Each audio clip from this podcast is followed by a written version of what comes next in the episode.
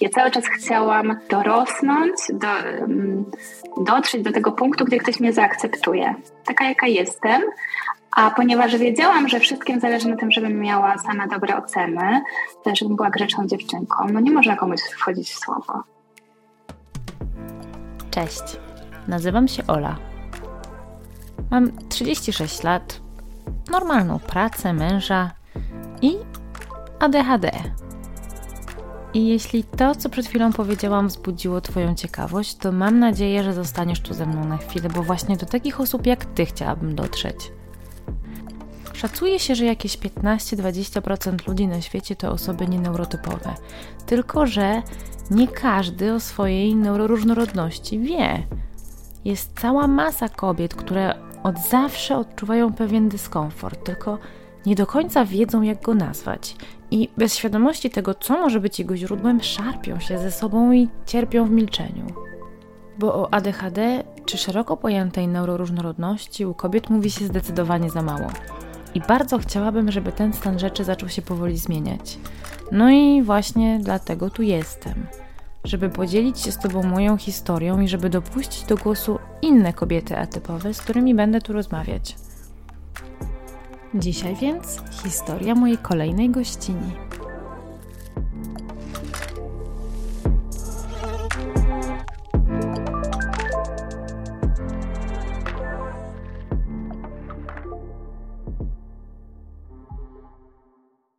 Dzisiaj mam dla Was rozmowę, która niestety nie zachwyca jakością dźwięku, mimo pomocy udzielonymi przez dźwiękowca. I za to z góry Was przepraszam, bo wiem, że dla niektórych z Was będzie to kwestia nie do przeskoczenia. Zdecydowałam się jednak wypuścić ten odcinek, bo ta dyskusja jest bardzo ważna, zwłaszcza w kontekście miesiąca świadomości ADHD i kobiecego ADHD w ogóle. Do tej rozmowy zaprosiłam Kasię Biernat-Stanaszek, z wykształcenia i zawodu prawniczkę, z pasji coachkę, a z powołania mamę dwójki maluchów. Kasia diagnozę ADHD dostała około roku temu, po latach terapii i życia z objawami psychosomatycznymi, z którymi próbowała sobie radzić bez większego skutku. Kasia jest książkowym przykładem tego, jak ADHD objawia się u kobiet i dziewczynek, i zanim trafiła na trop diagnozy, to długo nie mogła zrozumieć, dlaczego nie potrafi być tą idealną, instagramową mamą. I o macierzyństwie, zwłaszcza tym nieidealnym, ale mądrym i w zgodzie ze sobą, będzie w tej rozmowie sporo. Będzie też o odczarowywaniu obrazu idealnej matki ogarniającej i o patriarchacie oraz o tym, jak bardzo wpływa on na to, że przez lata internalizujemy i maskujemy swoje objawy. A jeśli chcecie zobaczyć z bliska, jak takie nieidealne, ale mądre macierzyństwo u kobiety z ADHD wygląda, to możecie zaobserwować profil Kasi na Instagramie. A w międzyczasie zapraszam Was do wysłuchania naszej rozmowy. Kasia, słuchaj, tak rozmawiałyśmy przed chwilą i zastanawiałyśmy się, czy mamy udawać, że nie rozmawiałyśmy jeszcze, czy, czy nie udawać. To co, udajemy czy nie udajemy? To ja idę na, w autentyczność, nie udawajmy. No dobra, to przynajmniej mamy, mamy to ustalone. Tak, no. I wiemy też, od czego chcemy zacząć. Tak. Ja tylko chciałam, aha nie, bo zapomniałam Ci właśnie na początku powiedzieć, Ola, że ty spełniasz moje marzenie, bo ja e, na początku, jak dowiedziałam się właśnie o tym e, kobiecym, o kobiecej stronie ADHD i w ogóle, że to jest zupełnie coś innego niż, niż wszyscy e, rozumieją, to mówię, no to trzeba nagrać o tym podcast. Oczywiście tego nie zrobiłam, no bo powiem no. Ci, że ja prawie też tego nie zrobiłam, ale były rzeczy, które mnie do tego y, zmotywowały bardziej niż, niż inne, ale tak, to była jedna z pierwszych moich myśli. Ja w ogóle byłam, zainspirowałam się podcastami oczywiście y, anglojęzycznymi, których jest mnóstwo, mnóstwo. I ja nie mogłam uwierzyć w to, że nie było nic po polsku. To prawda, to prawda. Ja też przesłuchałam właśnie mnóstwo tych anglojęzycznych. Mówię, kurczę, przecież u nas kobiety o tym nie wiedzą w ogóle. Tak. Nic się o tym nie mówi. Tak. No. Teraz pytanie jest takie, jak dotrzeć do takich kobiet, które nie wiedzą jeszcze, że mogą mieć ADHD albo że mogą być neuroróżnorodne? Bo one, wiesz, one nawet nie szukają takich treści. Nie jak, szukają, nie. Jak wyjść z tej bańki, naszej, naszej bańki neuroróżnorodności? To jest pytanie. Tak, bo to nawet jest ten efekt, nie? że e, mami efekt to się nazywa, coś takiego, że właśnie jak e, rodzi się dziecko, dziecko przejawia jakieś symptomy ADHD czy jakiejś innej e, strony atypowości, no to wtedy kobieta się dowiaduje, że, że ona tak. też może mieć. To jest taki efekt. Dokładnie. E, czyli pewnie po 30, coś takiego. No tak, no. i średnia wieku, nie, nie, teraz nie chcę skłamać, nie znam dokładnie statystyk, ale średnia wieku diagnoz u kobiet to jest właśnie chyba coś koło 30, 30 parę lat, nie? Mhm, tak, tak, tak. No tak, późno jesteśmy diagnozowane i to też na nas przecież wpływa negatywnie. No właśnie, to chyba zaczniemy od tego w Twoim przypadku. Mhm. Ile Ty miałaś lat, jak, jak Ty zostałaś zdiagnozowana i kiedy to, kiedy to było, jak do tego doszło? Okej, okay. jakby się gubiła, to mnie tam nakieruj, dobrze? to proszę. Będę Cię sterować. E, dobrze, ster- bądź moim sternikiem i kapitanem. No więc tak, ja dostałam diagnozę w zeszłym roku pod koniec października, czyli to Już był 2000... Rok. Tak, tak, tak, tak. I teraz tak, jak do tego doszło? Żebym nie poszła za daleko. To było tak, że jak ja byłam w drugiej ciąży, e, to my posyłaliśmy mojego syna do przedszkola. On miał wtedy trzy, trzy lata i trochę. I w ogóle wtedy zaczęły się z nim takie trudniejsze momenty. I ja, o nie, no, no po prostu ktoś do mnie puka. Ja pierdzielę. A teraz... E, nie no, przepraszam cię, mnie to tak wybiło. Ale nie ważne, dobra, nagrywamy. Aha, no i trafiłam na, e, wracając, trafiłam na pojęcie wysokiej wrażliwości. Mhm. Bo to było tak, że mój syn w ogóle nie chciał się adaptować do przedszkola. Było mu bardzo trudno. W ogóle z nim po trzecim roku życia zaczęły się takie trudności, że był strasznie taki nie tyle marudny, co płaczliwy, wybuchy emocji do sufitu, wszystko mu nie pasowało i, i tak dalej. I on był zawsze taki e, mega przywiązany do mnie, no i ja myślałam, że to po prostu wynika z tej wysokiej wrażliwości. Jak ja zaczęłam czytać o tej wysokiej wrażliwości, o tym też dużo mówi Gosia Stańczyk, to jak jakaś mama mnie słucha, to polecam, to jest bardzo fajna psycholożka dziecięca.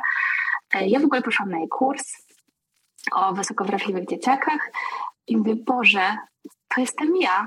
Przecież te wszystkie cechy wysokiej wrażliwości to jestem ja. Tylko, że trzeba pamiętać, że, że to jest bardzo szerokie takie pojęcie i bardziej odnosi się do naszego temperamentu, jakichś tam wielu składników i to nie jest żadna diagnoza ani no, mm, jakby psycholodzy czy psycholożki nie mówią o tym w takim sensie, że coś z tym trzeba robić. Mhm. E, I to mnie trochę zatrzymało, no bo sobie pomyślałam, no dobra, on jest wysoko wrażliwy, no to ja też jestem wysoko wrażliwa i te wszystkie problemy wynikają e, z naszej wysokiej wrażliwości. I to było takie plateau, jak się mówi. No i na tym się skupiłam, żeby go tam koić i tak dalej.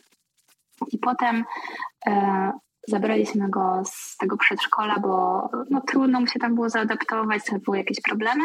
Stwierdziliśmy, że, że rezygnujemy. Mm, i ja wtedy dużo słuchałam podcastów, bo też bardzo się nudziłam, szczerze mówiąc. E, I było mi trudno pilnować go cały dzień, bo ja byłam z nim sama e, cały dzień w ciąży już takiej bardziej zaawansowanej od marca 2021. E, I i mówię sobie, no kurczę, no nie wstrzymam. On jeszcze złapał takiego właśnie ala hiperfokusa na policję i cały czas ijo ijo robił i mi uszy po prostu usychały i ja mówię, nie no. I zaczęłam używać słuchawek, takich właśnie tych wygłuszających otoczenie. No i gdzieś jak on się tam bawił tymi klockami, czy, czy bawił się w to ijo ijo e, i policję, to w międzyczasie e, słuchałam sobie podcastów mm, i między innymi ja zawsze byłam e, zainteresowana taką psychologią, rozwojem osobistym i słuchałam Zdrowej Głowy. E, to prowadziła Joanna Gutral i tam był taki odcinek właśnie w marcu o dorosłym ADHD. No i ja sobie tego słucham i kurczę, no coś jest na rzeczy, ale bardziej to odnosiłam jednak do mojego syna, bo on jest mhm. bardzo taki właśnie skaczący po ścianach, wszędzie go pełno, krzyczy, jest głośny, taki potrzebuje dużo stymulacji. Um, jest taki ciągle przerzutny, nie? Tu się bawi, tu musi zrobić coś. No takie normalnie typowe ADHD, tak by -hmm. można było powiedzieć. Ja wiem, no tak, to, to pewnie on to ma. No to już, ja w ogóle bardzo lubię wiedzieć, no nie? Więc ja lubię wiedzieć, że aha, dobra, to on ma ADHD, ja mam to, ja jestem wysoko wrażliwa, to wynika z tego. Bardzo lubię mieć to poukładane i też mi prościej dzięki temu jest żyć. E, I mm,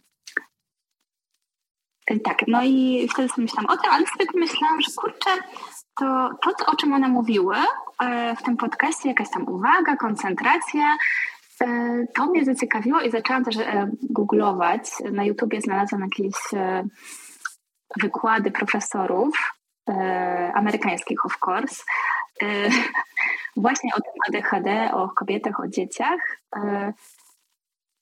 I nie wiem, czy to było amerykańskie, czy w końcu trafiłam na, na jakiś podcast SWPS, ale on powiedział takie dwa zdania, które mnie po prostu jak obuchem w łeb uderzyły. Powiedział coś takiego, że, e, że tak, e, osoby z ADHD doświadczają takich rzeczy jak inni ludzie neurotypowi, tylko że oni doświadczają tego 10 razy bardziej. Mhm.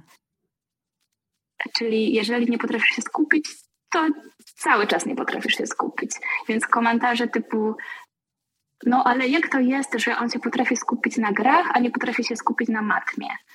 E, no i, te, i on tam mówił właśnie coś w tym kontekście, a potem powiedział jedną rzecz, która po prostu no, mnie rozwaliła, um, że te dzieci na przykład nie potrafią czytać lektur, mhm. ale jak im dasz Harry'ego Pottera, to przeczytają w jedną noc. I to był mój przypadek. Ja nienawidziłam czytać.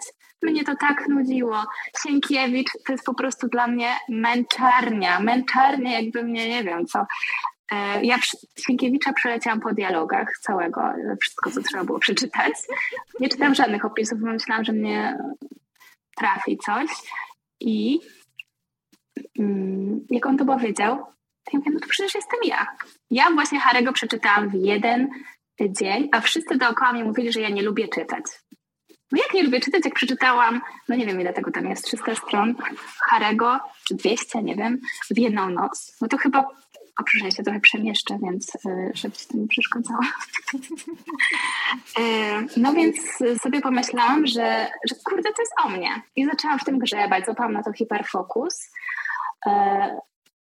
No, wszystkie te filmiki na YouTubie, Barclaya słuchałam, no i, no i wszystko mi się poskładało. To no jak puzzle, których mi brakowało tak naprawdę, bo ja jestem w procesie terapii od 23 roku życia z przerwami, czyli już dobre 10 lat. Mm. I jestem przeterapeutyzowana, jak to mówią. Um, ale cały czas mi czegoś brakowało. Tak. Jakby ja, ja nie potrafiłam stwierdzić, co jest ze mną nie tak, że po tylu latach terapii ja dalej mam problemy. Dalej, no coś, nie dość, że mam takie, taki ciągły ścisk w brzuchu, ciągłe jakieś takie somatyczne objawy, mm, to jeszcze no, nie potrafię zrobić ze swoim życiem e, to, co bym chciała. I, I potem jeszcze przyszedł mój poród e, córki, więc jakby skończyłam na razie hiperfokusować się na ten, hiperfokusowałam się na przygotowaniach do porodu, bo jeszcze rodziłam w domu. Więc troszeczkę więcej trzeba było się do tego przygotować. No a potem e, już urodziłam córkę, wszystko było no to było trudniej, ale też y, followuję Zuzę Skrzyńską, nie wiem czy ją znasz, ale ona właśnie tak od... No to super. I ona właśnie tak odczarowuje to, to macierzyństwo. E, zresztą mówi też o ADHD i ona wrzuciła takiego mema z tym, po prostu pamiętam to jak dziś, ten moment, gdzie stałam, e, wrzuciła tego mema, że ze Scooby-Doo, że pod depression albo anxiety jest ADHD, pod tą maską jest ADHD i potem ona wrzuciła sk screena czy z takimi e, flagowymi kobiecymi objawami ADHD. Ja mówię, nie, no naprawdę, to jestem ja. I ja się wtedy chyba na drugi czy trzeci dzień, znaczy zaczęłam szukać psychiatry i umówiłam się na pierwszy wolny termin. E, I w lipcu właściwie już poszłam do psychiatry, mm, gdzie pani stwierdziła, że przede wszystkim ja mam zaburzenia lęku uogólnionego, więc dostałam na to leki od razu. E, a pani też mi oczywiście powiedziała, że no, z tego, co pani mówi, to prawdopodobnie pani ma ADHD, tak na 90%.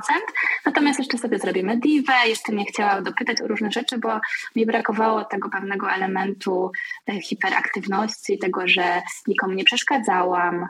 E, no, nie jestem takim typowym, flagowym e, przykładem, nawet tej gadatliwej dziewczynki. Teraz dużo gadam, ale kiedyś w ogóle nie gadałam. I ja wtedy poczułam, ja wtedy poczułam taką, znaczy ja poczułam po prostu dużą ulgę, że, że po pierwsze dostałam coś, jakiś e, lek na to, jak ja się czuję, bo ja po urodzeniu drugiego dziecka byłam w takim stanie, no ja się bałam ze swoją świadomością tego wszystkiego, że ja po prostu mam depresję już w pewnym momencie. To nie było bardzo nie byłam w takim bardzo dużym dole, ale nie wiedziałam, co się ze mną dzieje po prostu i, i też nie sądziłam, że mam jakieś zaburzenia lęku uogólnionego, co to jest i tak dalej. Więc jak ona powiedziała, że to może być to, to się ucieszyłam i dostałam na to leki. I się ucieszyłam, że jej potwierdziła, że rzeczywiście to może być to ADHD. Um, no i po prostu nie poczułam taką strasznie dużą ulgę, że to nie ja jestem ta wadliwa, że to nie jest tak, że ja jestem całkowicie zepsuta i to nie jest tak, że ja nie potrafię tego zrobić, czy nie mam wystarczającej determinacji, wytrwałości i, i że jestem ta leniwa. Tylko to jest moja wrodzona cecha, którą mam od zawsze, nie? Boże, to jest to, co słyszę, co po pierwsze sama czuję i czułam, a, ale też to, co słyszę od wszystkich kobiet, z którymi rozmawiam to, że hmm. właśnie, że z jednej strony czujemy ulgę, um, że właśnie, że, że, że, że, że to nie jest tak, że z nami coś jest nie tak. Mimo tego, że całe życie tak myślałyśmy o sobie.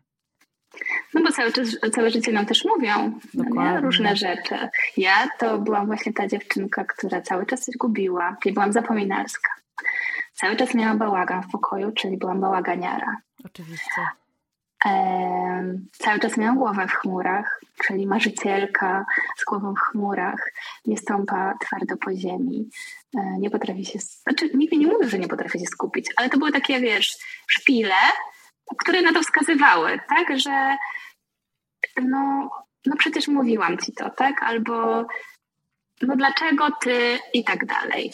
Ty zawsze, no to to jest to, czego nie powinno się mówić dzieciom, no to no to gdzieś tam słyszałam, no i potem sobie wyrabiamy o sobie takie, a nie inne zdanie. No i, i, ja też takie miałam, więc jak się usłyszało, że to może nie jest do końca tak, że ja jestem właśnie ta, e, ta najgorsza, no to to jest tak jakby 100 kilo ktoś mi z barków zdjął. Tak, tak, tak. A jak długo w ogóle godziłaś się od momentu, kiedy po raz pierwszy e, gdzieś tam pojawił się temat E, ADHD w twojej głowie do momentu, kiedy już dostałaś diagnozę i pogodziłaś się z tym, że to faktycznie, to ile to, ile to trwało? Hmm. Znaczy ja szłam, e, szczerze mówiąc, ja poszłam do psychiatry i ja jej powiedziałam, wie pani co, ja chyba mam ADHD. Mhm.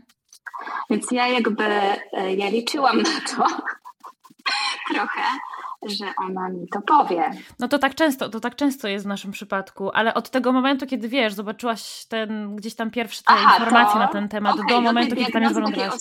Okej, okay. mhm. to to było, to znaczy na tej pierwszej wizycie to to było, czekaj, marzec, kwiecień, pięć miesięcy, a potem jeszcze do, do października, czyli czyli no 8 miesięcy. No to trochę, z tym, tak, trochę z tym chodziłaś. Trochę tak. Trochę z tym chodziłam i to było takie, no bo jeszcze on mi powiedział, że 90%, no czyli nie całkowicie, czyli oczywiście weszło mi, że nie, no no jednak nie mam tych niektórych cech, więc prawdopodobnie sobie coś wymyślam i to jednak jestem ta wadliwa. No a i właśnie, bo ty wspomniałaś o tym, że ona tak trochę um, się przyczepiła do tego, że u ciebie nie ma tej nadpobudliwości ruchowej. Tak, tylko że obecnie to jest bardzo fajna pani psychiatria. Ona nawet się nie przyczepiła, tylko po prostu powiedziała, że są pewne, bo ja leciałam na samych szóstkach no nie, w szkole.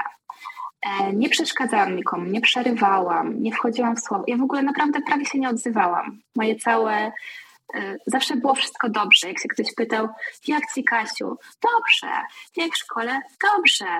E, ja byłam taka, ponieważ ja miałam w sobie już, jak się okazuje, bardzo dużo lęku od, od najmłodszych lat, tam mniej więcej od podstawówki, to ja tym lękiem właśnie maskowałam moje ADHD, no bo lęk sprawia to, że ten niepokój, anxiety po angielsku mi się wydaje, że to lepiej oddaje taki stan ciągłego niepokoju, który ci tak wspina w środku i mówi, to jest ważne, to musisz zrobić, e, to przypilnuj sobie, nie możesz tego e, nie oddać na czas, no bo co oni powiedzą, tak? Znowu będziesz skrytykowana.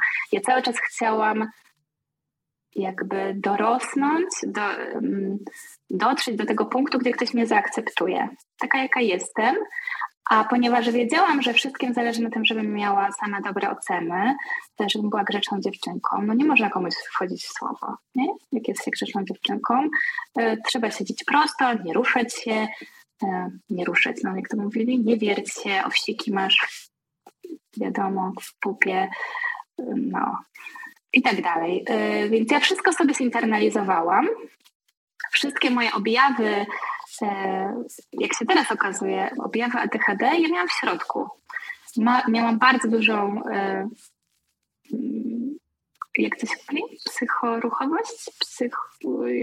Wiedziałam, jak się to nazywa, ale po prostu miałam taki chaos w głowie, mętlik. Moje, mój mózg jest tak szybki, mhm E, i ma tyle pomysłów naraz i tyle ogarnia e, sytuacji, które też mogą się nie udać. Albo co ja mogę zrobić źle, jak temu zapobiec. I, I, kiedyś ja po prostu nie ogarniałam tego i ja przestałam mówić i się odzywać, bo ja nie potrafiłam tego zrobić, żeby, żeby nie powiedzieć czegoś źle, czy, czy nie odezwać się w taki, a nie inny sposób. Nie potrafiłam tego yy, nawet nie wiem, jak to nazwać. Nie potrafiłam tego w swoim dziecięcym, w swojej dziecięcej główce ogarnąć, że jak ja mam to zrobić, jak cały czas mam być idealna, e, szóstki w szkole, nie mogę popełniać błędów. Nauczyłam się już, bo miałam różne takie doświadczenia właśnie od, od podstawówki, że 4,5 no to nie jest dobra ocena. No nie? Masz wiedzieć od razu, że nie pisze się czegoś tam tak, a że ortografia tego słowa jest taka jak dostałaś to, to miałam od razu no, nieprzyjemne doświadczenia. Więc y, ja się bardzo szybko nauczyłam, że ja nie mogę popełniać błędów. No a jak nie popełniać błędów, jak ma się ADHD?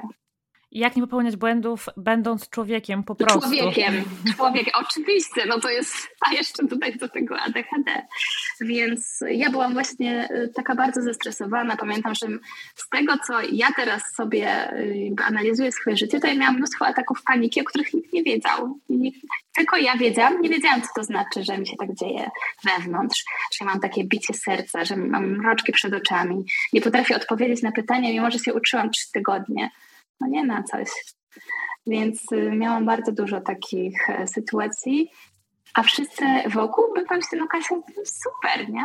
Same szóstki, piątki, ze wszystkim sobie poradzi, e, taka grzeczna, miła.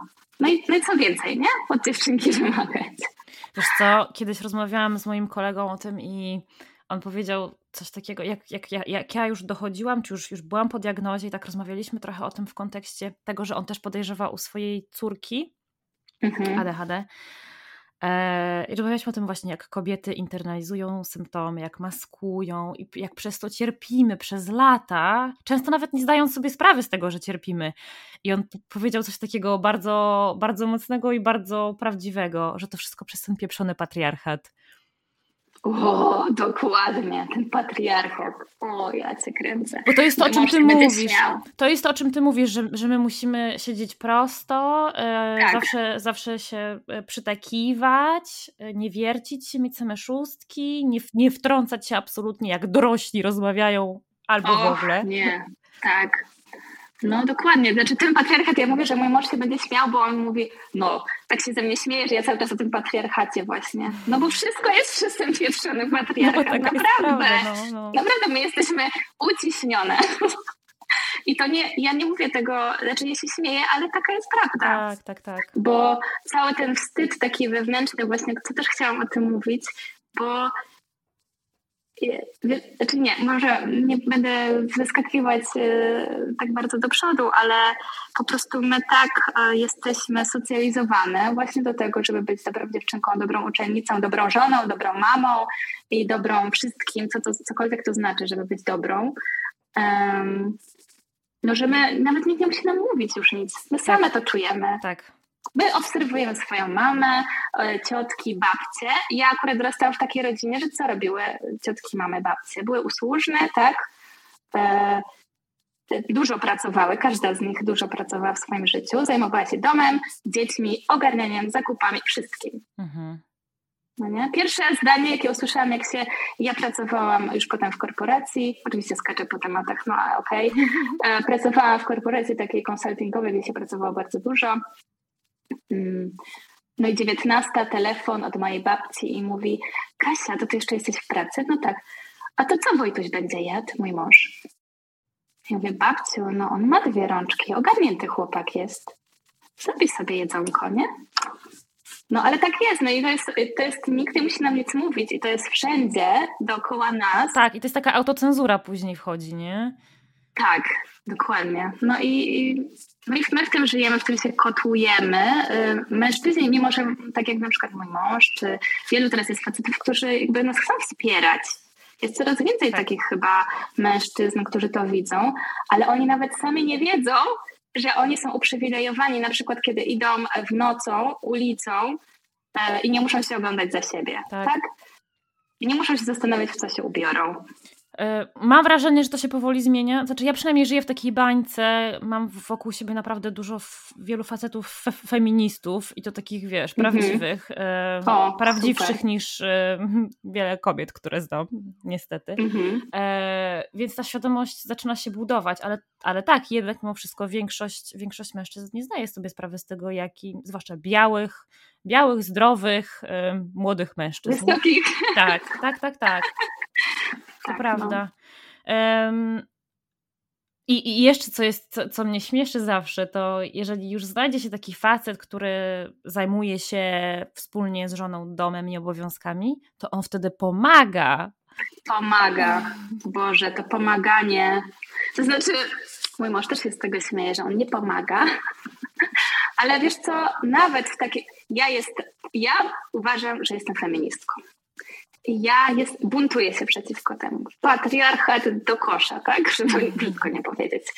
Um, ale sama w sobie, ja właśnie szczególnie jak zostałam mamą, to po prostu to tak wchodzi, no jak, jak nóż masło. Wchodzi to wszystko to, co nam wbijają, to tak, no to jest nie do, jakby nie do przeskoczenia mam wrażenie. To znowu trzeba nad tym pracować. Tak. No tak jak mówisz, my w tym wyrosłyśmy, my, my, my byłyśmy otoczone takimi kobietami, które właśnie w ten sposób funkcjonowały przez, przez, wiesz, przez pokolenia, więc to jest, to jest trudne to przerwać. Przerwać albo gazety, mi akurat mama pozwalała kupować Cosmopolitan, odkąd miałam 13 lat, no nie? No i nagłówki. Jak się podobać chłopakom, tak. bądź niezależna, ale tutaj jak schudnąć w 3 tygodnie e, do 40 kg, nie? No tak. i takie to są te przekazy. Nie dość, że mamy być y, y, niezależne, nie dość, że mamy być pewne siebie, to jeszcze mamy być y, jednocześnie usłużne, ładne i się dostosowywać. Dokładnie. No i to jest taki. No to jest inny chyba też temat, bo jak ja się zapalę w tym. To... My trochę nie o tym miałyśmy. No, trochę. E, my miałyśmy, my miałyśmy tak naprawdę właśnie trochę pogadać o mm, macierzyństwie, bo mhm. ty jesteś nie tylko kobietą z ADHD, ale też jesteś mamą dwójki dzieci. Mhm. Tak, tak. Mam cudowne dzieci, kocham je bardzo. Chociaż czasem doprowadzają do tego, że chcę się wystrzelić w kosmos. Na serio. E, fajnie, że coraz więcej się też mówi o takich emocjach tego typu towarzyszącym macierzyństwu. Mam wrażenie, że, że do tej pory kobiety siebie nawzajem okłamywały, sprzedając trochę taki, wiesz, różowy obraz Różowy, lukrowany, mm. tak. Ja sama mamu nie jestem, ale dlatego mnie to też trochę interesuje, bo bo same bycie kobietą na różnorodną w tym neurotopowym świecie, patriarchalnym w dodatku, tak. jest bardzo trudne. Ale jak dochodzi do tego jeszcze bycie mamą, to już musi być po prostu kosmos. Tak, to jest lot, tak, ja to nazywam tak, że to jest taki lot w kosmos. No, dla mnie, jak się okazuje, jest to lot w kosmos. E, przy czym u mnie się to tak w ogóle nie zaczęło. E, jeżeli teraz za, e, mogę o tym mówić, nie? Że Proszę cię bardzo. W sensie jest, jest ten moment. Mhm. Wiecie, mój krytyk wewnętrzny i samokontrola wchodzą jak, jak złoto. Tutaj, tutaj tak, na to nie ma miejsca, proszę zdjąć wszystkie maski i w ogóle. Staram się, staram się. Jeżeli ktoś tego słucha, to przepraszam za moje wtręty, ale okej. Okay już. Więc y, u mnie zaczęło się, macierzyństwo zaczęło się super. W ogóle pierwsze ciąże super. E, czułam się, znaczy nie, początki były takie, no, średnio musiałam leżeć trzy tygodnie, ale potem już było wszystko w porządku, zdrowotnie. W ogóle ja bardzo chciałam zejść w ciążę, oboje z dzieckiem, z mężem chcieliśmy mieć dziecko. To było planowane. I ciąża była dla mnie bardzo łaskawa. E, dobrze się czułam. Estrogenu więcej, więc to czasem pomaga w ADHD. E, nawet e, bardzo pomaga. No i wtedy, jak ja urodziłam mojego syna, gdzie poród był też super, był krótki. Wszystkie kobiety, które miały długie porody, to ja podziwiam i pewnie mnie znienawidzą, ale mój tak naprawdę trwał jakieś 4 godziny, więc to było krótko. Urodziłam do wody i to było wspaniałe przeżycie, takie dla mnie naprawdę duchowe. I ja się wtedy w ogóle odnalazłam. To znaczy ja, y, ja się wtedy pierwszy raz w życiu tak naprawdę, tak właśnie bez żadnej maski, ja się poczułam dobrze ze sobą. Że ja miałam tego maluszka. W ogóle dla mnie to weszło właśnie tak naturalnie. U niektórych kobiet to tak nie przychodzi, ale ja miałam to wielkie, wielkie szczęście, że przyszło mi to bardzo naturalnie. Karmiliśmy się też e, od początku, no po prostu żadnych problemów nie było. Co też jest bardzo ważne e, dla tego doświadczenia bycia mamą, nie? do budowania więzi. E, no i ja w ogóle wcześniej już w ciąży zaczęłam czytać o rodzicielstwie bliskości. To było takie moje, z szacunkiem dla dziecka, dla jego potrzeb. Obserwujemy go, nawiązujemy więzi. Wszystko właśnie tak było. Także ja byłam mega szczęśliwa pierwsze sześć miesięcy, no to było takie właśnie no, przytulanie, karmienie, na żądanie. On dużo wisiał na cycu. Zapomniałam, że niektórzy nie lubią, ale nieważne.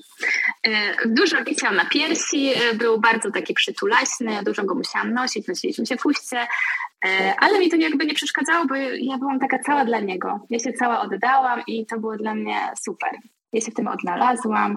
Właśnie pierwszy raz w życiu poczułam, że nie jest coś ze mną nie tak.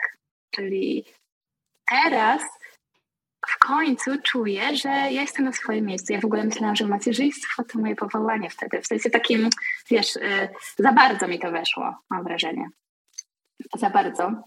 Pamiętam, jak napisałam kiedyś jakąś wiadomość do jakiegoś, nie wiem, do jakiegoś znajomego, że Boże, wszyscy powinni mieć dzieci. Nie, nie, nie wszyscy powinni mieć dzieci. Odwołuję to, jakby ktoś tego słuchał. Nie wszyscy. Tak, ja jestem, jestem przeciwniczką takiej tezy. I ja mu tak sobie napisałam, i, e, ale ja nie wiedziałam, o czym mówię. W każdym razie weszło mi to bardzo, wszystko spoko, do szóstego miesiąca życia, kiedy musisz zacząć rozszerzać dietę, przychodzi dużo więcej prania, e, musisz się zorganizować z tymi posiłkami. Ja zaczęłam rozszerzać dietę BLW, czyli Baby Led Weaning, e, co pomaga jakby w ogarnięciu, ale i tak musisz gotować, planować. I ja wtedy poczułam taki ciężar ogromny, że ja przestałam ogarniać nagle to dziecko. Jak ja mogę ogarnąć, skoro ja cały czas z nim jestem, on cały czas potrzebuje mojej uwagi, a ja tu muszę jeszcze coś ugotować, ja go muszę ubrać. Z czego ja mam gotować, jak jest zima? I są tylko pietruszki, ziemniaki i buraki. I chodzi o to, że ja poczułam wtedy właśnie ten pierwsze takie ukłucie tego, że, że coś może być ze mną nie tak, nie? Mhm. Tak sobie mhm. wtedy myślałam, nie? Że no jak to, no przecież wszystkie mamy, nawet słoiczki gotują, tam przecierają coś. W ogóle no i dla mnie zapakowanie dziecka do auta, bo mój syn nie lubił wtedy bardzo jeździć w foteliku, więc jakiekolwiek wyjście to były, e, to były krzyki. E, ja jechałam z takim sercem na ramieniu, jak już zasnął w tym foteliku, żeby on się nie obudził. Pamiętam, że to, to było takie intensywne. Mm. No ale jakby wtedy jeszcze myślałam, że ogarniam, chociaż z tego co pamiętam miałam w sobie bardzo dużo już lęku, niepokoju, takiego cały czas myślałam, o Boże, o Boże, jak on będzie chory, a jak to...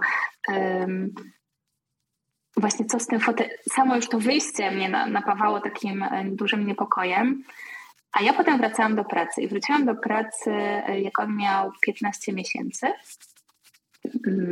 I wróciłam do pracy na pełen etat, właśnie do tej korporacji, e, bo jestem w ogóle prawnikiem, jestem po studiach prawniczych i, i w tej korporacji akurat zajmowałam się podatkami super e, takie ADHDowe zajęcie, naprawdę nie polecam. E, tak. E, no, musisz czytać wyroki i to o podatkach, także super.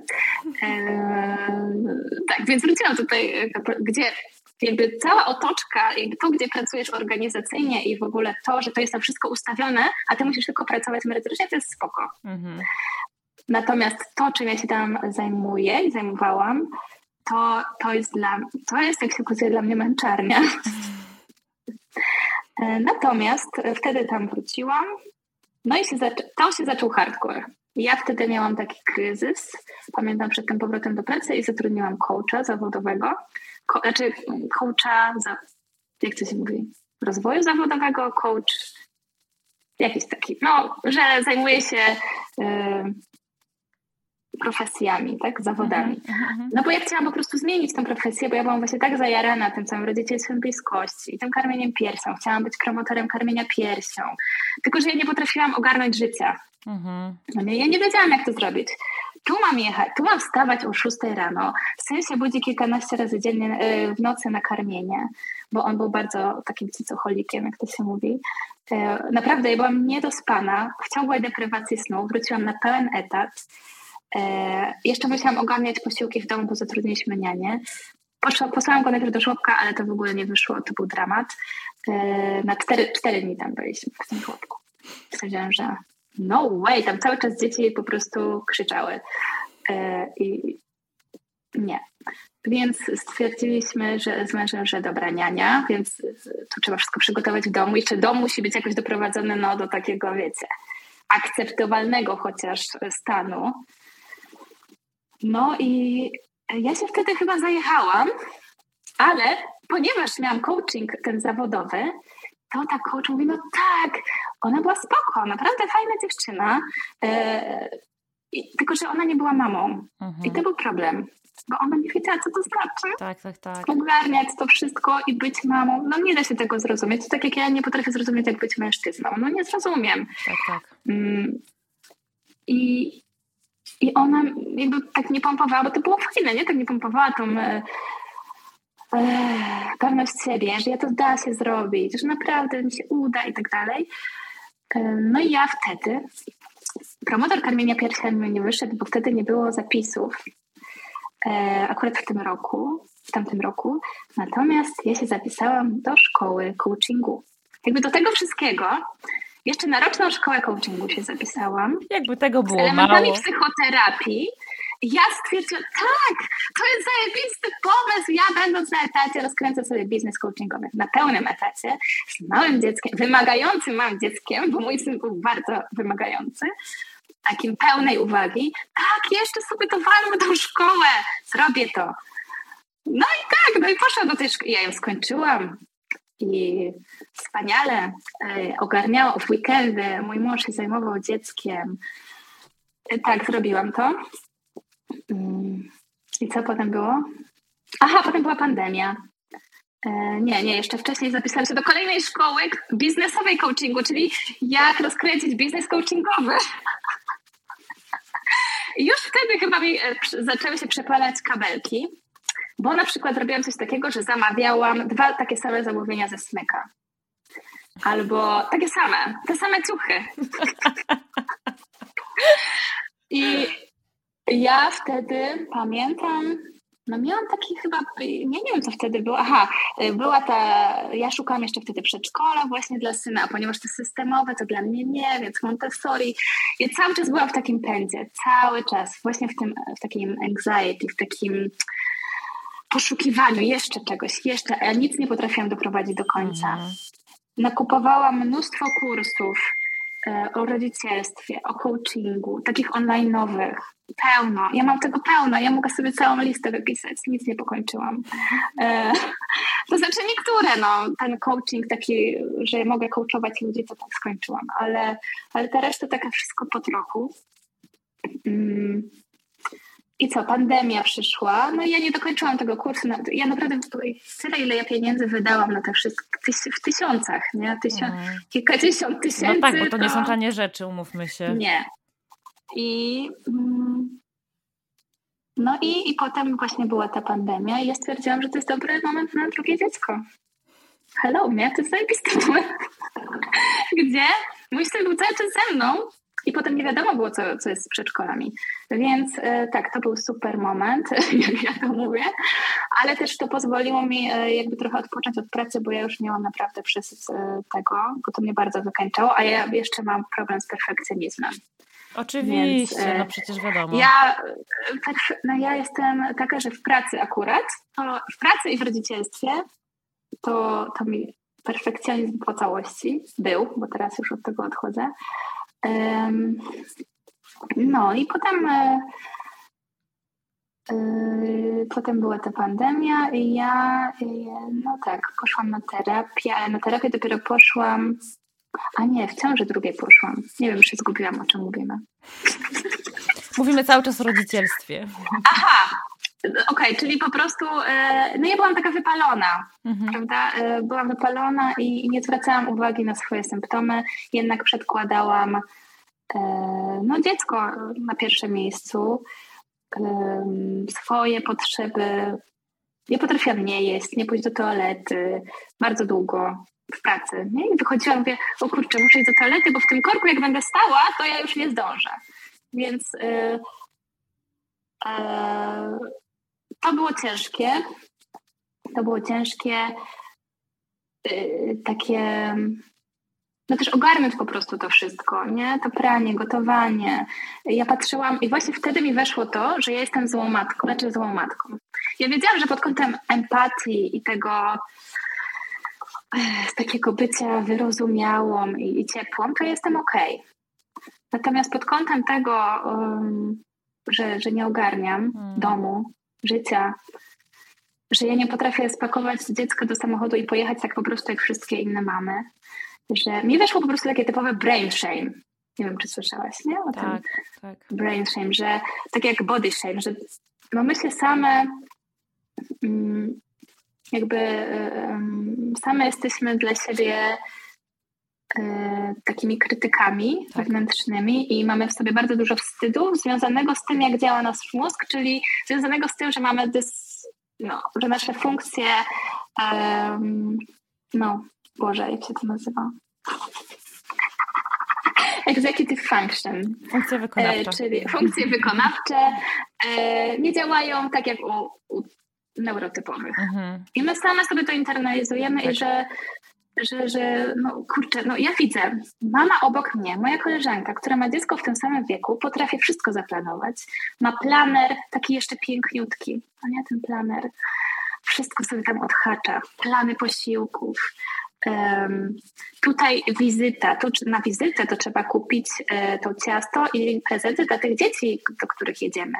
A tutaj to jeszcze muszę zaplanować za trzy miesiące, moja córka ma urodziny, więc ona sobie wypisuje. Ja tak patrzę, ja ledwo, ledwo żyję, jak ona to robi. Tak. Jak ona to robi, że ja jeszcze w się wkręciłam i wpisywałam, jak ona to robi. I, ta, I są te wszystkie blogi o organizacji. I ja jeszcze to kupowałam, oczywiście. Ja nie mówię, że to jest złe, tylko że no to nie jest dla nas, pomówmy się. To nie jest dla nas, no tak. to nie jest dla nas. No jak ktoś ci powie, no weź sobie zaplanuj. No ja mówię, no dobra, jasne, ja sobie zaplanuję. Y, super, nie? Tylko co z tego, że ja nawet to napiszę, jeśli już w ogóle napiszę. Tak, powiem Ci, kiedyś, kiedyś widziałam na, na, na grupie na, dla dorosłych na ZDHD, ktoś wrzucił jakiś post pani swojego czasu, że och, takie wspaniałe rady, dlaczego nie jestem w stanie się do nich dostosować? No, właśnie dlatego, że jesteś na tej grupie. Bo masz ADHD. I to nie Dokładnie. są rady dla nas, to są rady wspaniałe, działające dla osób tak. neurotypowych.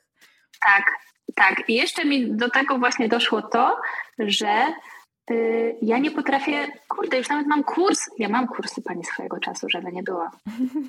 Nie? To jest moja idolka, była. Znaczy, znaczy dalej ją bardzo szanuję i ten, ale no mój mózg nie, nie odpowiada na to. Tak. Po prostu on nie reaguje na to, że ktoś mi nie wiem, jak to wytłumaczyć, ale ja, ja mam te wszystkie kursy, te wszystkie książki. Nic mi to nie dało. No oczywiście, że tak, no bo to nie są metody dostosowane do naszego sposobu funkcjonowania. Tak, no.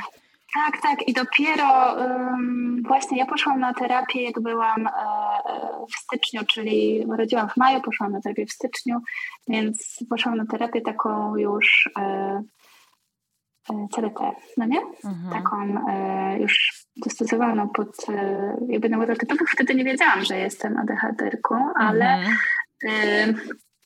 ona wtedy, to była terapia bardzo taka ustrukturyzowana i to mi się zaczęło podobać. Jakby to była inna terapia niż te, które dotychczas miałam.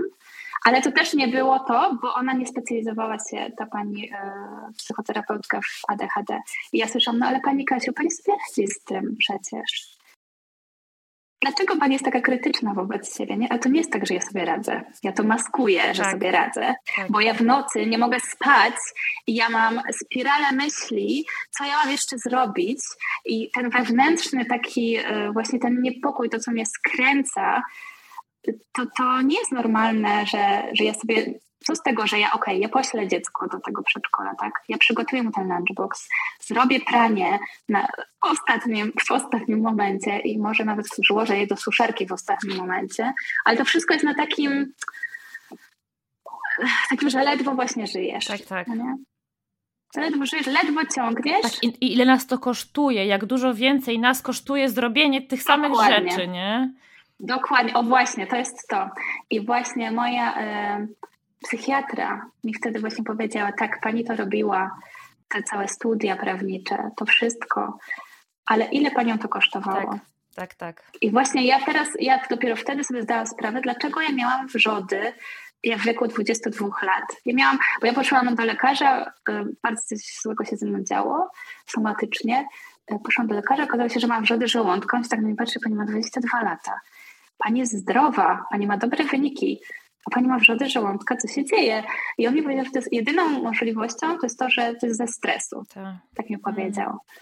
I po prostu całe, wszystkie te lata, kiedy ja właśnie maskowałam to, żeby, żeby dopasować się do standardu nakładanego na dziewczyny, kobiety, teraz matki, to ja wtedy, no ja dostałam, mój, mój organizm mi powiedział, że coś jest nie tak.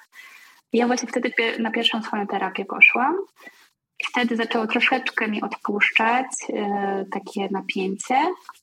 I potem zrobiłam coś bardzo niespodziewanego dla wszystkich, bo po studiach prawniczych, jak ja zdałam, to zazwyczaj idzie się na aplikację. To nie jest taka, jest taki utarty właśnie okay. schemacik.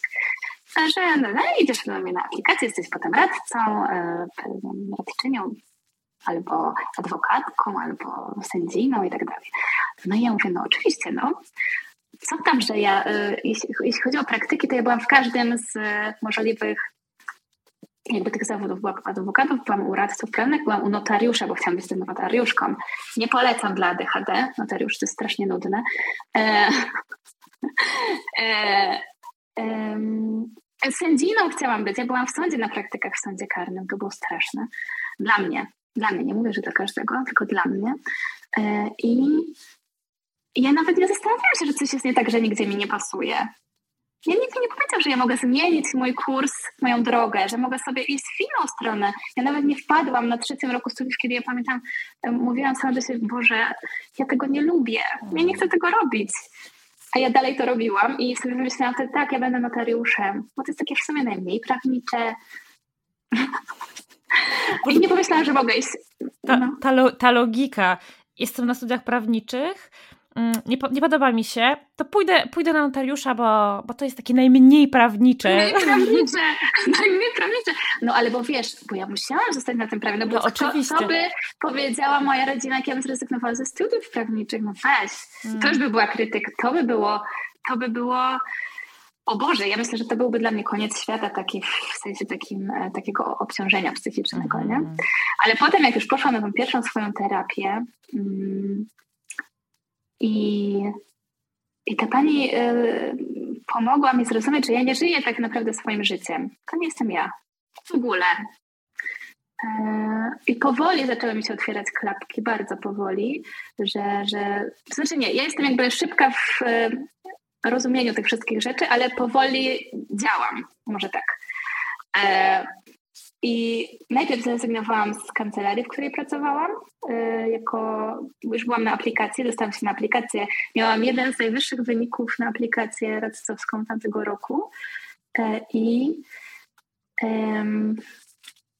co chciałam powiedzieć? Aha, zrezygnowałam z podróży poślubnej po to, żeby się uczyć do aplikacji. Kumaj tą logikę, nie?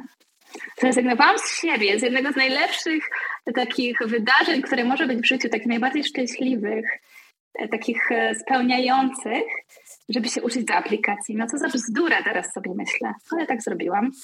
Więc przełożyliśmy naszą podróż poślubną o, o rok do przodu. A ja wtedy się uczyłam tej aplikacji, rzeczywiście ją zdałam. Po czym właśnie byłam w procesie terapii. E, pojechaliśmy na podróż poślubną za niecały rok do Indii, tam na, na taki wyjazd też połączony z, z medytacją. I ja, ja potem wróciłam i ja mówię mężowi, o Boże, ja nie chcę wrócić na tę aplikację, ja mam zaraz egzaminy, ja nie chcę się do tego uczyć, ja chyba umrę, nie? Jeszcze tam się musisz uczyć wyroków na pamięć, nie jakichś sądów, te... ja cię kręcę, nie? No dla, wróciłam... mnie, dla mnie studia prawnicze brzmią jak, jako, jako naj, jedna z najbardziej antyadechadowych rzeczy, jaką można w ogóle w życiu robić. Dokładnie tak jest, potwierdzam. No tak, tylko że no. Ja nie miałam życia żadnego na studiach, bo ja musiałam się uczyć. Jeszcze poszłam do szkoły prawa francuskiego, bo ja jestem po gimnazjum dwujęzycznym i liceum dwujęzycznym, mam maturę dwujęzyczną z francuskiego, więc stwierdziłam, że jeszcze sobie dołożę do tych studiów. Jeszcze sobie szkołę prawa francuskiego i ja ją zrobiłam. po prostu jak ja o tym myślę, to, to no, genialna jestem w tym maskowaniu. No ale... um, Tak, no i ja wróciłam i zrobiłam coś bardzo niespodziewanego i myślę, że to w, te, w tym momencie zaczęłam trochę bardziej żyć właśnie w zgodzie ze sobą, e, bo ja zrezygnowałam z tej aplikacji e, radcowskiej i poszłam do pani tej dziekan i mówię, wie pani co, no chciałam zrezygnować. A ona, ale jak to? No po prostu chciałam się wypisać z aplikacji. Ale dlaczego? Co się stało? Potrzebuje Pani pomocy? Bardzo fajna była, nie? Ale że jakiejś pomocy, czy finansowej, czy, czy może dziekańskie by Pani chciała? Ja mówię, nie, ja, ja już, ja po prostu chcę zrezygnować. I ona tak się na mnie patrzy i mówi, ale wie Pani co, to ja się do Pani odezwę, bo ja nie wiem, co się robi w takim przypadku. Ja mówię, aha, czy nigdy w życiu nikt nie zrezygnuje? Nie, nikt. Nikt nie rezygnuje jak już się dostanie no tak, no tak, jak już zajdziesz tak daleko, dlaczego miałabyś zrezygnować? Znaczy, no? Tak, to mi pokazuje to, jak bardzo właśnie my jesteśmy tacy w społeczeństwie ustawiani w takie ramy tak. i w te, jak to się mówi, takie... Um, no jest konkretna droga, jest konkretna checklista, którą musisz sobie odhaczyć. Tak, tak, tak. tak. I, I jakby no też, no ja rozumiem, że tak to działa, no tylko nie, zrozum- nie, nie rozumiałam wtedy, że to kompletnie nie jest dla mnie. Mhm. E, I, I, właściwie mm, no tak, ja wtedy zrezygnowałam z tej aplikacji i zostałam już w tej korporacji, gdzie tak naprawdę ja, to był taki trochę status quo, nie było bardzo źle, ale nie było też bardzo dobrze, no bo dalej się zajmowałam czymś, co mnie nie interesuje e, i było naprawdę dla mnie, ja siedziałam po nocach, bo tam to jest bardzo dużo analizowania bardzo zawiłych i długich tekstów, pisanie pism procesowych, jakichś takich rzeczy. To jest naprawdę szalenie nudne. Więc jakby zachować uwagę przy czymś takim jest bardzo trudno. No tylko, właśnie. że ja myślałam po prostu, że jestem taka głupia, no nie? No, że inni to czytają i robią y, to szybciej i jeszcze mają życie, dlatego że po prostu to ja nie domagam. Tak. Nie? I dopiero właśnie jak przyszła ta e, moja diagnoza ADHD i to, że ja w ogóle zaczęłam o tym czytać, że jest coś takiego, to, to ja wtedy przestałam być dla siebie taka surowa i więcej łagodności weszło w moje jakby mówienie do siebie. I ja już teraz sobie rozumiem, aha, to dlatego ja to tak robiłam. Mhm. To dlatego ja nie miałam życia. To dlatego y, zrobiłam różne rzeczy y, tak, a nie inaczej i, i a nie tak jak inni. Nie, że dłużej mi coś zajmowało. Wiesz, co jest ciekawe? Że bardzo często wystarczy sama diagnoza, że bardzo często my już nawet nie mhm. potrzebujemy iść na terapię, bo samo to, że ktoś nam potwierdza, że już tak. wiemy, co było w cudzysłowie z nami nie tak, wystarczy nam do tego, żeby móc na siebie spojrzeć trochę łagodniej. No tak, dokładnie. No to tak jak na, na dziecko, nie? Mm, trochę. Jak wiemy, o co, nim, co się z nim dzieje i dlaczego, no to już nie jesteśmy takie wkurzone. Tak, tak, tak. E, no dobra, to już wiemy, jak to było, zanim dostałaś diagnozę. I wiemy, że zaczęłaś patrzeć na siebie łagodniej po diagnozie, ale jak wyglądał ten proces takiego właśnie, e, też w, w kontekście e, tego, co robiłaś zawodowo, ale, ale i macierzyństwa? Jak już wiedziałaś? Mhm jak już wiedziałam, to ja w ogóle y, zawodowo to na szczęście nic nie musiałam ogarniać, bo ja wtedy urodziłam córkę, nie? I potem dostałam e, w niedługim czasie diagnozę. E, tak, ja po prostu, ja się strasznie tym ucieszyłam. Ja pamiętam, że w ogóle jeszcze zanim, e, jeszcze przed porodem, ja przyszłam do męża i mówię, hej, zobacz, e, to są takie filmiki i oni mówią, że ja mogę mieć ADHD. On się na mnie Aha, okej. Okay. Wiesz, no to jest takie coś, że dostajesz to, jakby odnalazłaś się w tym wszystkim. Ktoś cię tak, zauważył tak. i opisał, co z tobą, o co chodzi, nie? Tak. Co się dzieje, że ja, mówię, ja byłam taka przeszczęśliwa. To jest dziwne, no nie, bo to nie jest proste żyć z ADHD, ale ale mówię, Boże, no to jest niesamowite, ja muszę o tym kimś, komuś powiedzieć. I jeszcze, y, jeszcze się okazało, że moja siostra też ma ADHD. Więc ja też gdzieś tam jej to podpowiedziałam i ona też dostała diagnozę i o kurczę, nie, my się tak, moja siostra jest cudowna i zawsze mnie wspiera, to jest moja najlepsza, y, no najlepsza przyjaciółka, jeszcze mam jedną taką dobrą przyjaciółkę tak naprawdę, bo ja nie jestem taką osobą, która ma wielu przyjaciół, ale no, moja siostra w ogóle jest 10 lat młodsza. Mhm. E, ale my się tak rozumiemy i wspieramy w tym i tak, e, no to było cudowne.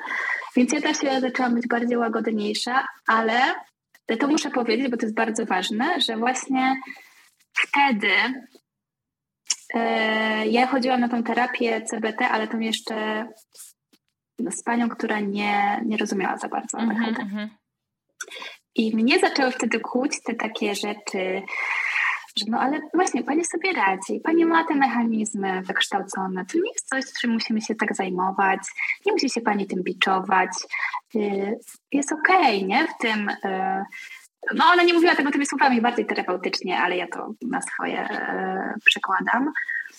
Mm, I ona była bardzo fajna, nie? Tylko, że to nie jest tak, że to jest okej, okay, nie? Że ja sobie wykształciłam jakieś schemat e, jakby no, maskowania, też radzenia, jeżeli mi to nie odpowiada. No właśnie, właśnie, właśnie, bo to jest to, bo ty wykształciłaś sobie sposób maskowania, a nie radzenia sobie faktycznego. No. no właśnie, bo to jest.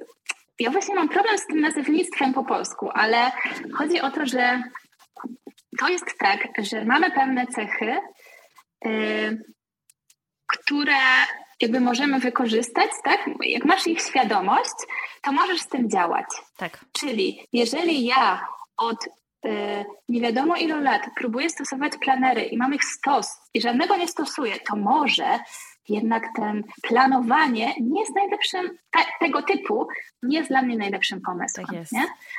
E, I to bardziej chodzi o takie rzeczy, tak. bo y, ja sobie wtedy właśnie pomyślałam, że aha, i ona, no, kurczę, nie wiem, czy mogę takie rzeczy mówić, ale powiem. Ja po prostu chcę przestrzec osoby, że czasem terapia może nie działać, bo po prostu ta osoba nie zna się na ADHD. No oczywiście, o tym trzeba, o tym trzeba absolutnie głośno mówić, bo to tak, to jest bo, bardzo ważne. Bo to wpływa na całe życie, tak, na wszystko. Tak. Na sen, na sposób e, jedzenia, na to, jak właśnie my ogarniamy, czy nie ogarniamy tak. domu, na wszystko. Wiesz co, ja y, mam bardzo podobne doświadczenie, bo ja doszłam w mojej terapii z moją terapeutką, która była świetna, y, tylko że nie znała się w ogóle na ADHD. Doszłam do takiej ściany, bo w pewnym momencie, jak ja jej zaczęłam mówić o tym, że podejrzewam, że mogę mieć ADHD, ona mówi, ale po co pani diagnoza? Co pani to da? Ja myślę sobie, no bardzo dużo mi da, bo eee. to jest podstawa w ogóle mojego no. zrozumienia no. tego, w jaki sposób ja funkcjonuję i dlaczego, i tego, co ja mogę, jak ja mogę nad sobą pracować. Ona mówi, no ale my przecież, przecież nad tym wszystkim pracujemy. Tak, tylko że my pracujemy i złymi metodami, bo pani ze mną pracuje jak z osobą neurotypową, a na mnie to po prostu nie działa. O kurczę, no to miałam dokładnie takie same no. doświadczenie, tylko że ja tego jej tak wprost nie powiedziałam.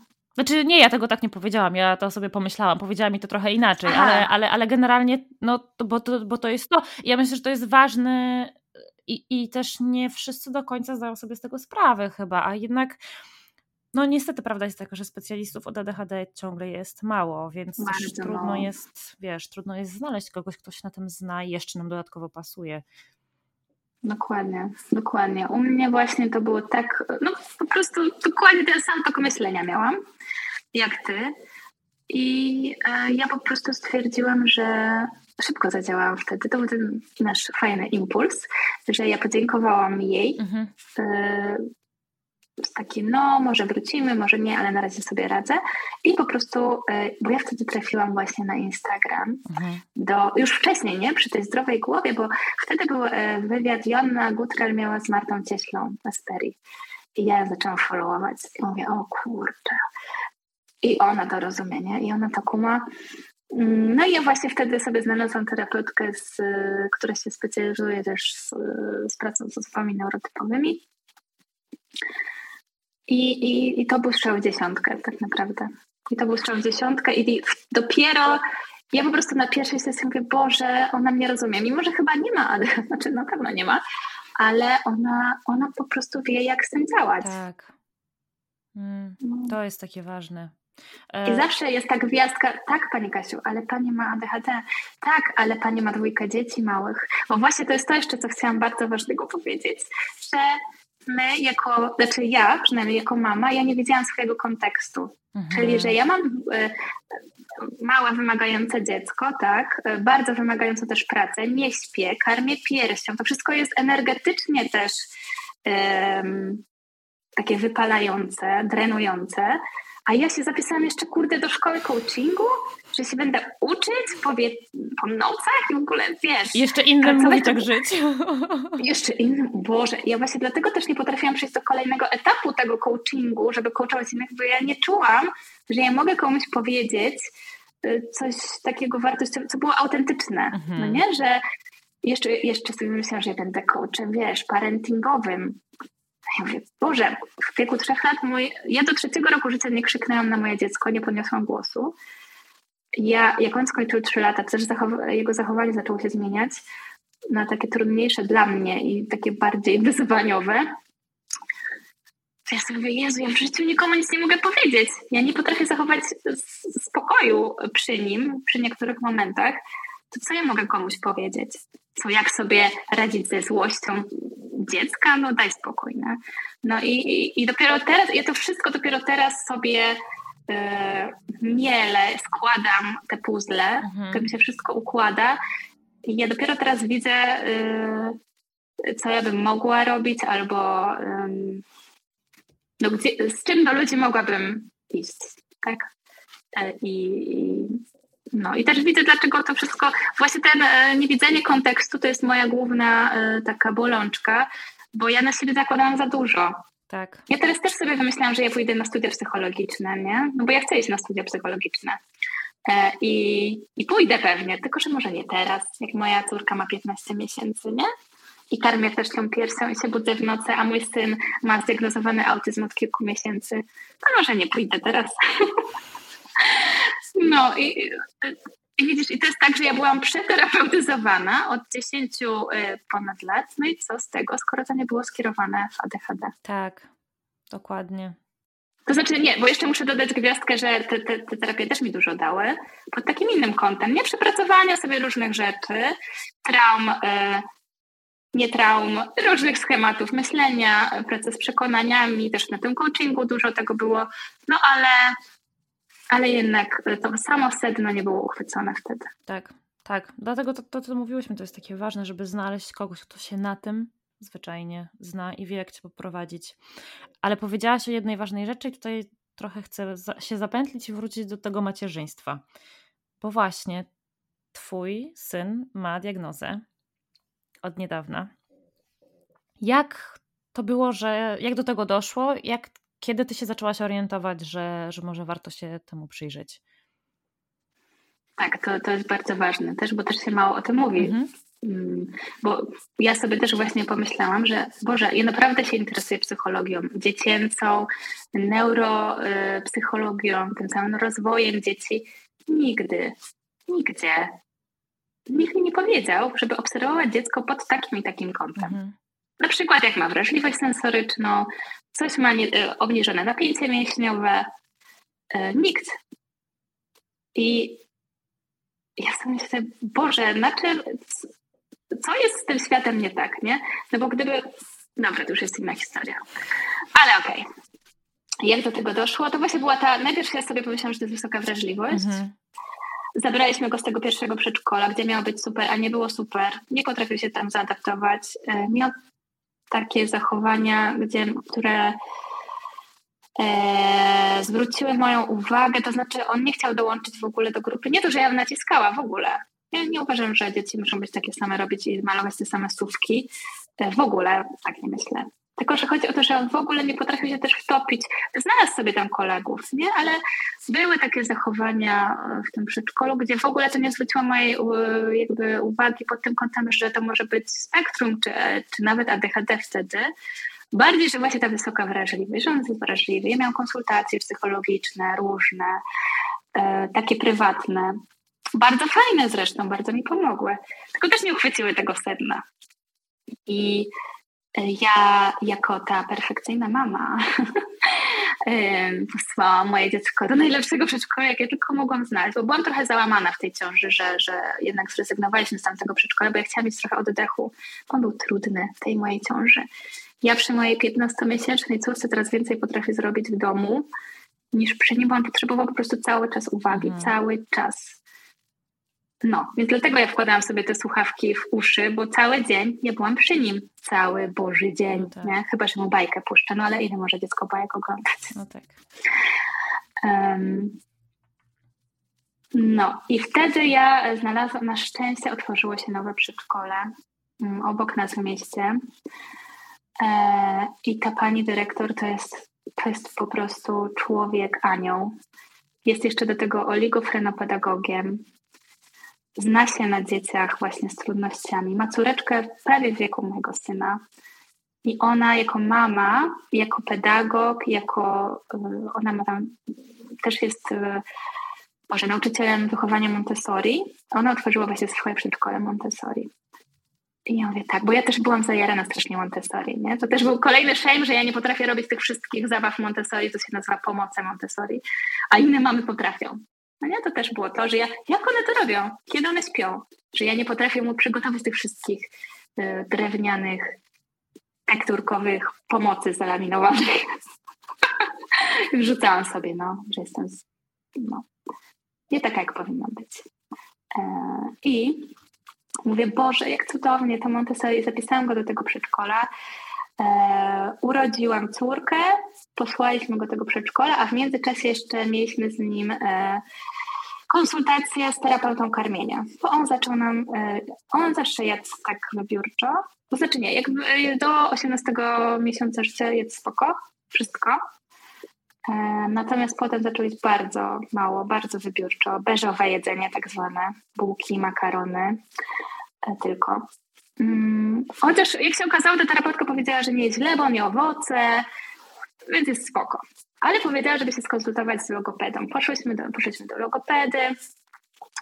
E, logopedka nas skierowała właśnie na WWR, ale że ja wtedy zajmowałam się córką, to jakoś to tam, mam to WWR, tak uciekło, bo jeszcze się okazało, że moja córka ma astmę wczesną dziecięcą, nie? Jak miała trzy miesiące.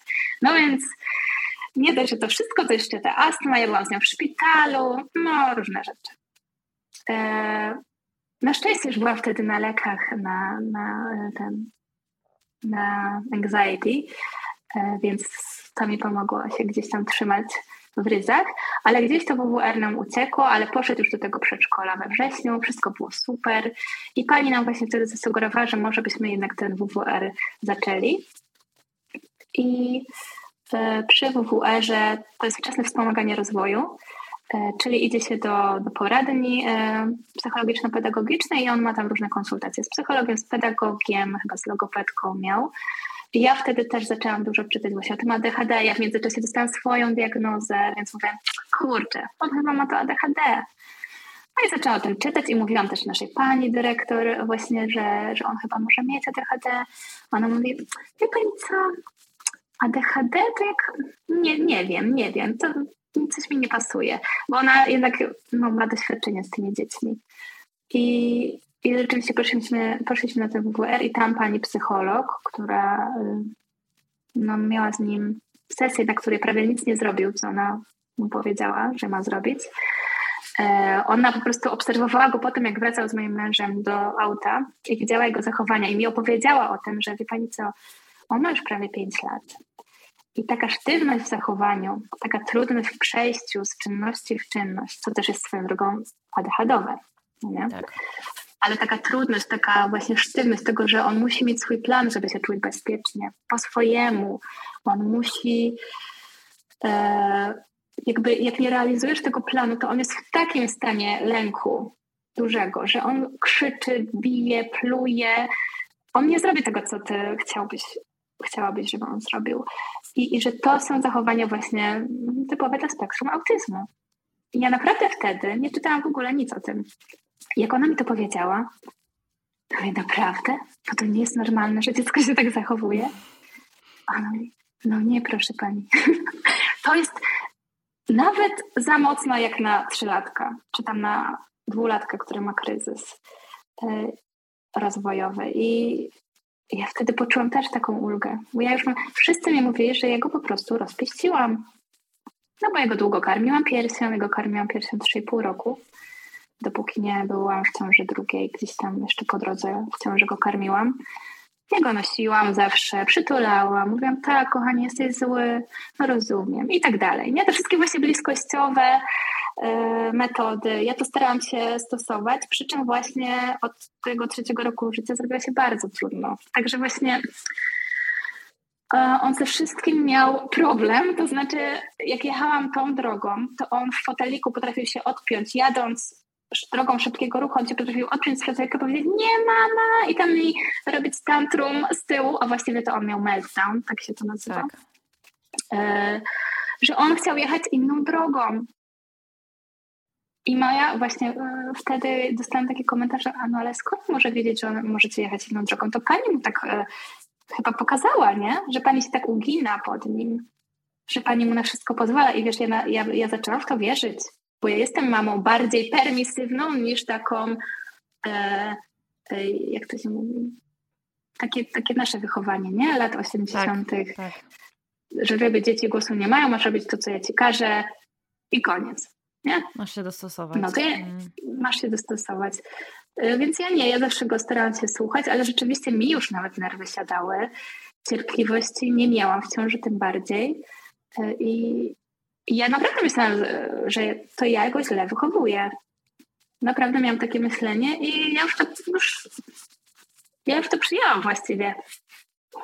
Natomiast właśnie potem e, jak ona mi powiedziała, że to może być spektrum, no to też sobie zaczęłam tym czytać. Mówię, aha, no tak, oczywiście zaczęłam słuchać podcastów. Jest nawet taki polski podcast.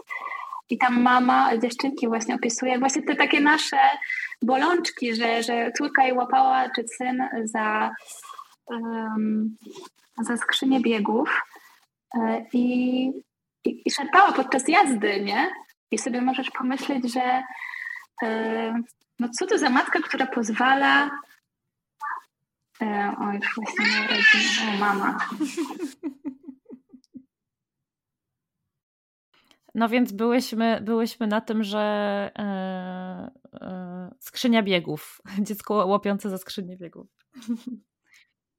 Tak, skrzynia biegów. Tak, po prostu chodzi o to, że ja usłyszałam, że um, znowu inne mamy tak mają. Mhm. I to jest to samo doświadczenie, a nie, że jestem jakąś wariatką. Albo mnie dziecko e, cię aż tak bardzo buntuje i jest e, nie wiadomo, tak, nie wiadomo jak tak, rozwydrzone. Tak. tak, bo to, jest częste myślę, myślenie mam. E, albo ludzi dookoła, no niegrzeczny, rozwydrzony, e, na za dużo pozwalaliśmy, no, wszedł nam na głowę. No i teraz masz, nosiłaś to masz, tak to mówią, nie? Nosiłaś to masz. To to chce się cały czas nosić, co nie jest prawdą. Obalamy mity. Dobrze, dobrze, bardzo dobrze. Oba, obalaj, obalaj. No. E, I no i to było, no ja znowu miałam ten taką aha moment, e, że aha, to o to chodzi. Kurczę, no też mi z piersi dużo to zdjęło, bo ja, ja też jak my, jak my szliśmy na wizytę, to ja byłam przekonana, że to jest to. Jakby nikt inny mi, gdybyśmy, mam wrażenie, to nie jest tak, że ja bym e, e, wrzucała lekarzowi coś, czego nie ma, ale ja wiedziałam, już, ja już zrobiłam taki research, że ja po prostu byłam przekonana, że to jest to. Eee, I, i no, rzeczywiście przyszliśmy, pierwsza e, wizyta, pierwsze pół godziny. Pani mówi, no tak, ewidentnie. Ewidentnie to jest spektrum. I, no i tak, no i dostaliśmy diagnozę i zaczęliśmy dopiero właściwie teraz działać, e, no teraz, zaczęło się teraz we wrześniu, nie? bo wcześniej było troszkę SI, bo to jest też tak, że jakby ktoś chciał na coś zwracać uwagę i powiedzieć, to bym powiedziała tak, przede wszystkim integracja sensoryczna, jeżeli coś tam jest nie tak, to zawsze bym obserwowała coś, po prostu.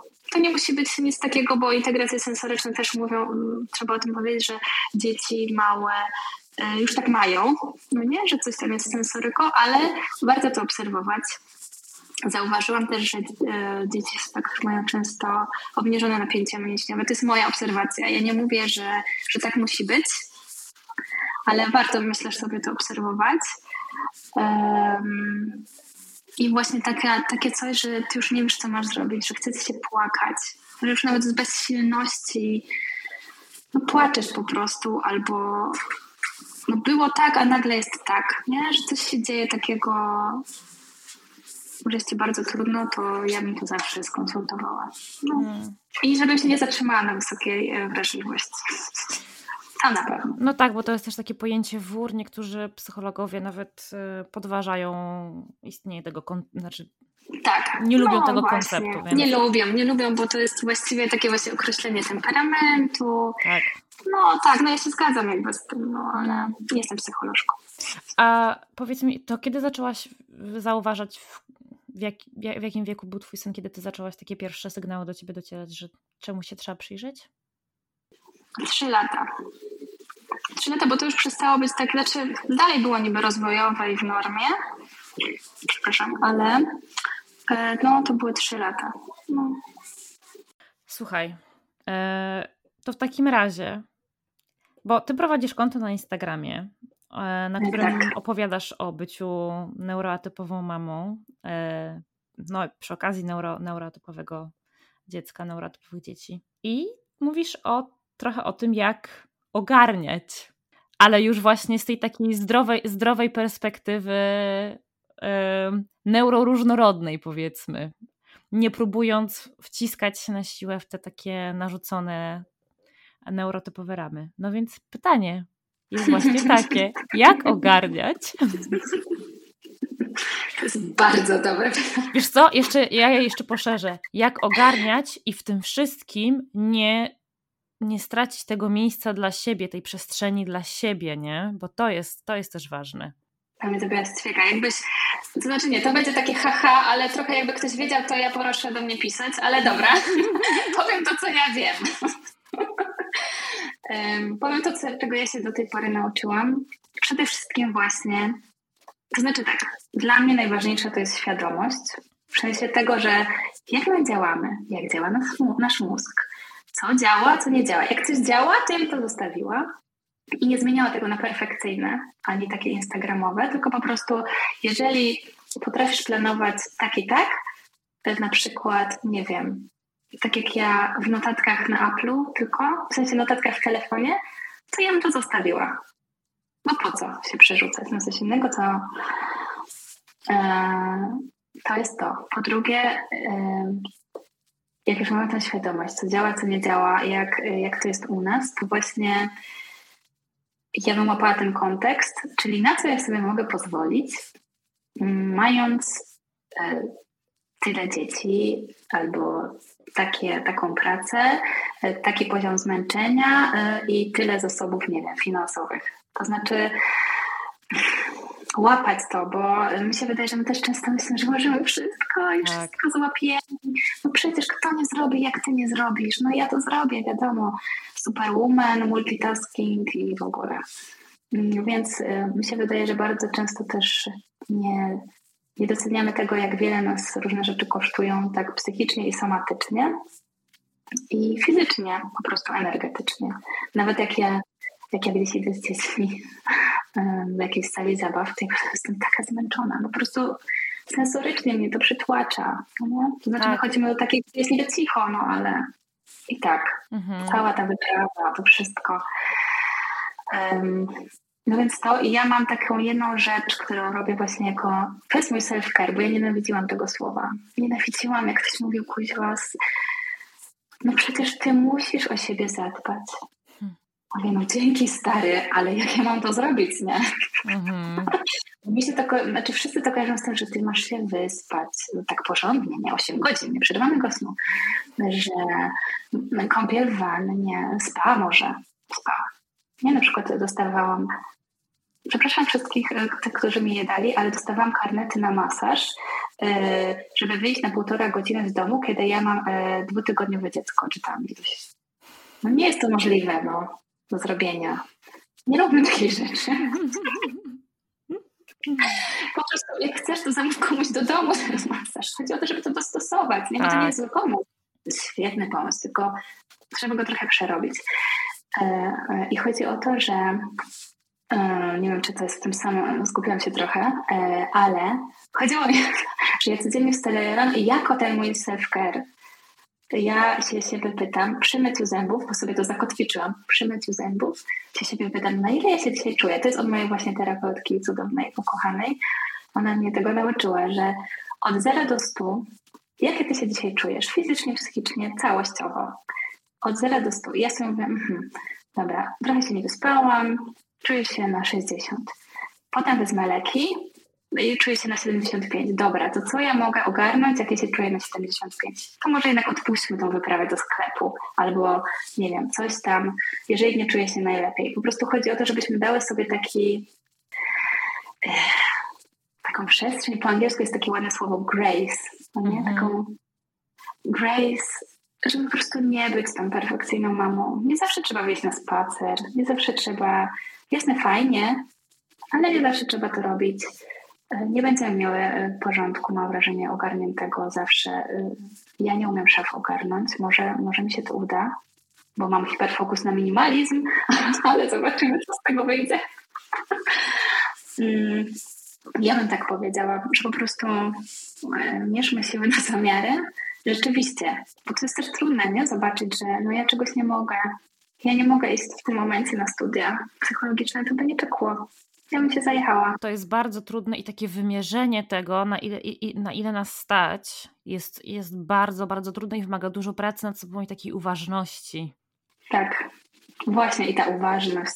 Uważność na siebie, na to, co czujemy, że jak, że na przykład chce mi się teraz pić. Jestem taka poddenerwowana, i bo, bo chce mi się pić i się nie napiłam od rana i, e, i tak mi zaschło. No, chodzi o to, żeby się zwracać uwagę też na, na te sygnały z ciała, ale to jest tak no, to jest takie powiedziane mindfulnessowo, po prostu czy chcecie się pić, czy, czy chcecie się siku, czy chcecie się jeść. Um, to bym powiedziała.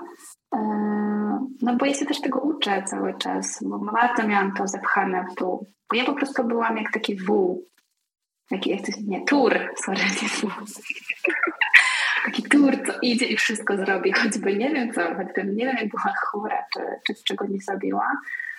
No i odpuszczanie, no odpuszczanie to jest coś, czego cały czas się uczę, bo jak ja sobie coś zaplanuję, E, to nie wszystko, ale mam czasem tak, że dwa tygodnie jest takie mocno skupienie na dzieciach. Już chciałabym coś zrobić, już chciałabym coś wrzucić na ten Instagram. Już dzisiaj chcę to wrzucić. I mm, no, ale mi się to nie udaje, bo na przykład dzieci są marudne, czy nie wiem.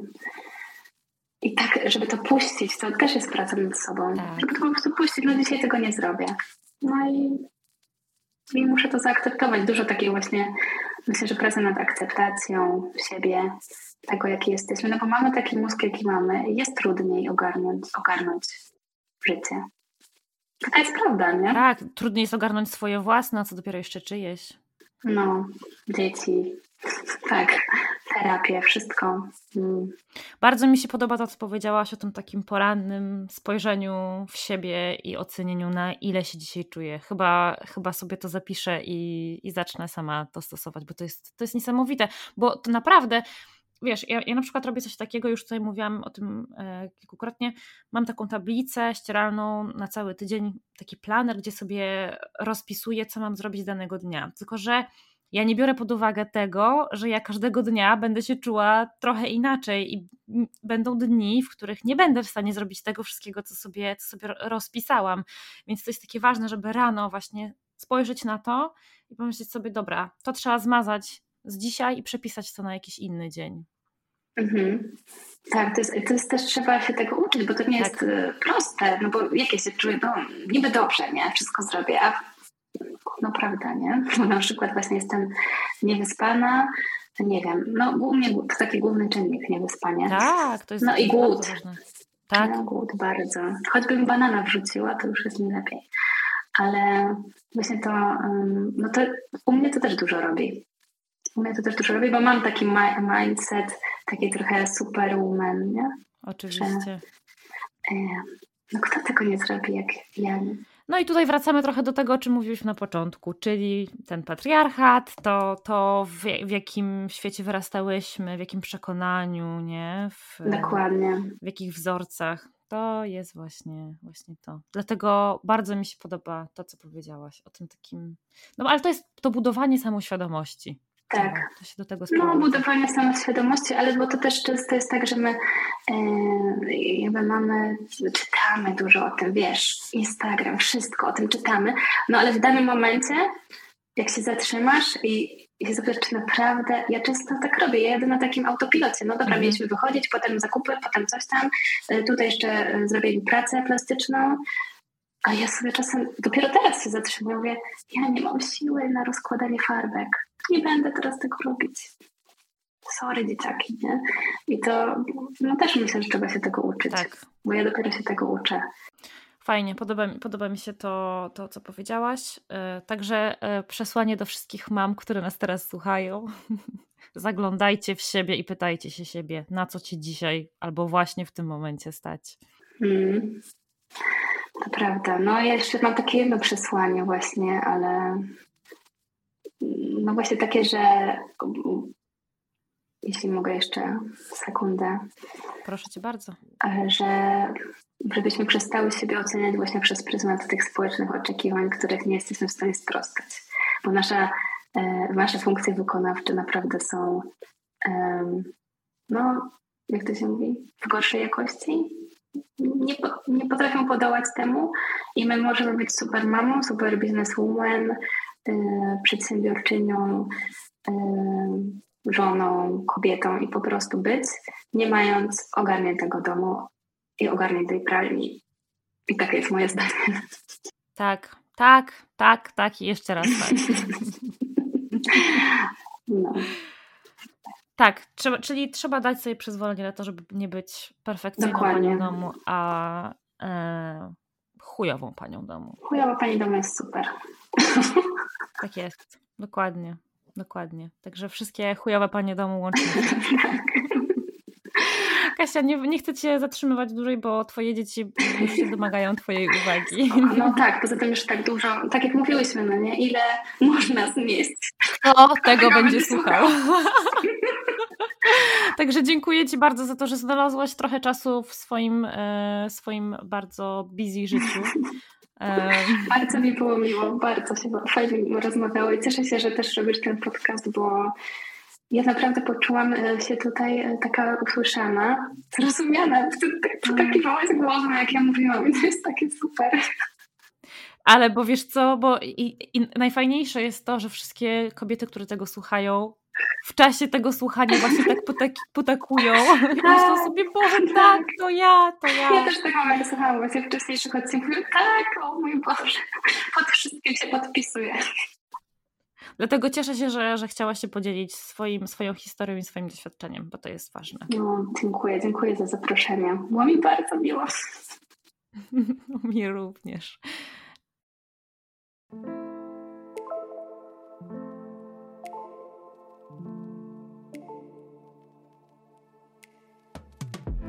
Wielkie dzięki za wysłuchanie tego odcinka.